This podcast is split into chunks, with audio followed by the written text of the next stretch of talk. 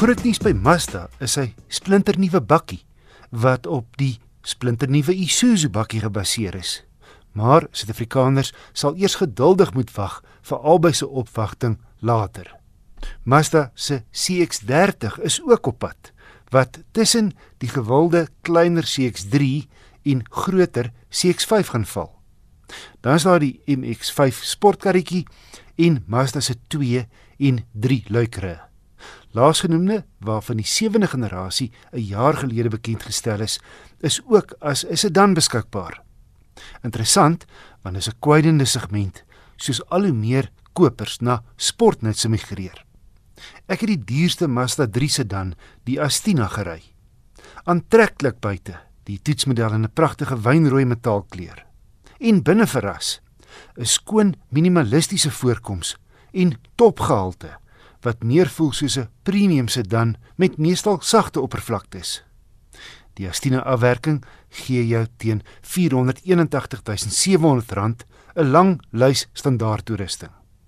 Soos 'n sondak, geïntegreerde navigasie, leersitplekke waarvan die bestuurders in elektries verstel, klimaatbeheer en 'n uitstekende Bose klankstelsel met 12 luidsprekers.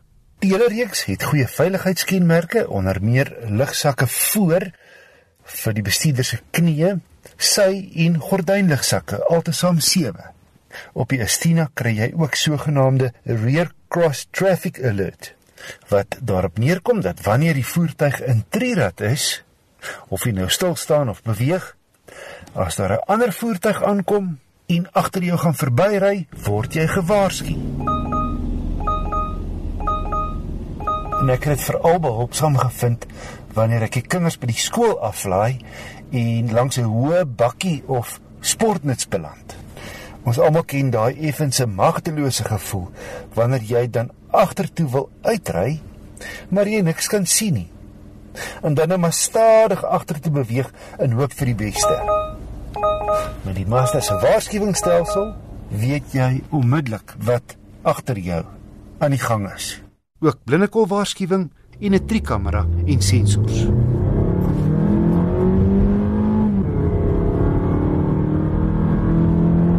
Sy 2 liter petrol gekoppel aan 'n 6-spoed outomaties skop 121 kW en 213 Nm uit.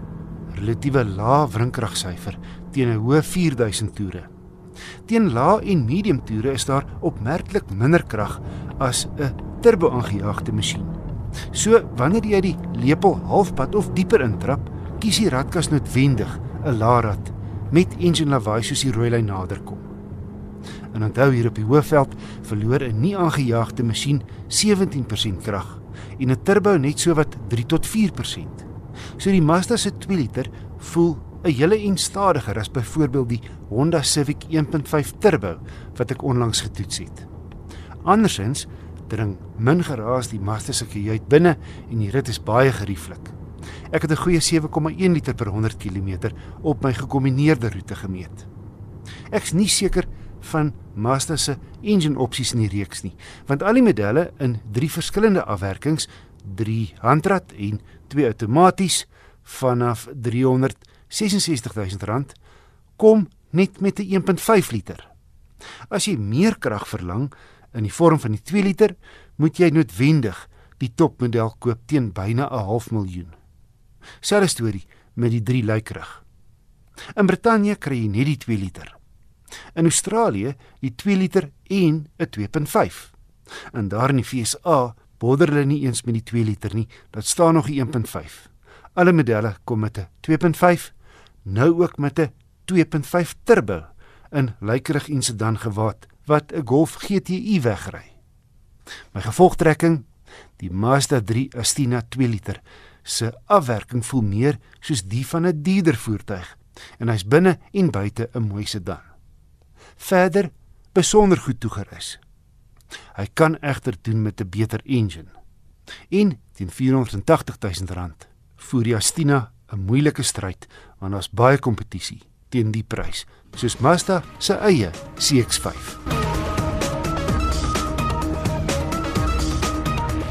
Ek het 'n brief van Isak Verviers ontvang. Sy 2007 Volkswagen Polo 1.9 TDI se battery gee die afgelope paar jaar konstant probleme. Hy skryf hy kan die kar nie langer as 3 dae laat staan nie, dan is die battery pap. Hy skryf ek het die kar al by 3 verskillende auto-elektriesiens gehad en nie een van hulle kan die probleem kry nie. Wat ek nou doen is nou al so gewoonte, elke aand ontkoppel ek die battery en elke oggend koppel ek hom weer op. En so gaan dit al vir die laaste 2 jaar aan. Ek het al die battery vervang, maar daar is iets wat die battery doodtrek en niemand kan my help nie. Ek het Isak se brief aan Nicolou voorgelê. Hy is die tegniese konsultant by Kaarttydskrif en die besigheidsontwikkelingsbestuurder by SVU Gepantserde Voertuie. Ja, wissel ek onthou nog haar 1.9 turbo diesel enjin is baie uh, betroubaar en ook baie suiwig op uh, diesel. Dis nou jammer as die battery heeltyd pap raak. Ek is baie verbaas om te verneem dat drie auto-elektricians nie die fout kon kry nie. Ek dink hulle moet hulle lisensies maar gaan teruggee en uh, ek dink Isak moet uh, miskien probeer om om net uh, te hoor waantoe hy die voertuig moet vat wat wat se auto-elektrician hy moet gebruik. Ehm uh, maar ek dink dit sal miskien goeie raad wees om vir ons luisteraars daar buite wat 'n multimeter het en 'n bietjie tegniese kennis het om vir 'n paar wenke te gee hoe hulle self die battery en die laaistelsel kan toets by die huis voor hulle die voertuig dan invat na auto-elektrician toe. So om te begin, As jy dan die multimeter het en jy wil dan die volts meet van die battery, wanneer die voertuig dan in jou motorhuis staan en die enjin is afgeskakel en as jy dan oor die pole meet die battery, behoort jy omtrent so 12.5 of 12.7 volt te kry op die battery wat in goeie toestand is. As hy battery se volts hier na 11.5 of onder gaan, dan moet jy weet die battery is nie in 'n goeie toestand nie, hy word nie gelaai nie. Onthou dit vat 'n hele rukkie om 'n battery weer te laai as jy hom as jy die enjin aangeskakel het soos in die dorp en jy stop baie jy skakel baie die enjin af. Onthou jy moet maar 'n entjie verder gaan ry van trend so 5 uh, na 10 minute se ry om weer daai krag van een aansit weer terug in die battery te sit. Die volgende toets wat gedoen kan word is wanneer die enjin leier, so wanneer die enjin aangeskakel is en jy is weer in die motorhuis en jy meet weer oor die pole, dan behoort jy nou so 14 volts te meet oor die battery se pole en dit wys vir jou dat die battery dan gelaai word. So daar's dan geen fout met die laaistelsel van die battery nie. Nog 'n toets wat kan gedoen word en dis nou in die geval van Isak waar die battery dan nou pap loop in die nag, is daar definitief iets wat dan krag uit die battery uittrek, 'n stelsel in die kar wat dan nou soos 'n parasiet die krag gebruik. So wat mens kan doen is as jou multimeter ook stroom kan meet, dan kan jy op die stroomstelling sit en dan kan jy die ampere meet as jy byvoorbeeld die grondkabel losmaak van die battery en dan tussen die negatiewe pool van die battery en die grondkabel van die kar dan die multimeter insit en dan meet wat se stroom jy kry.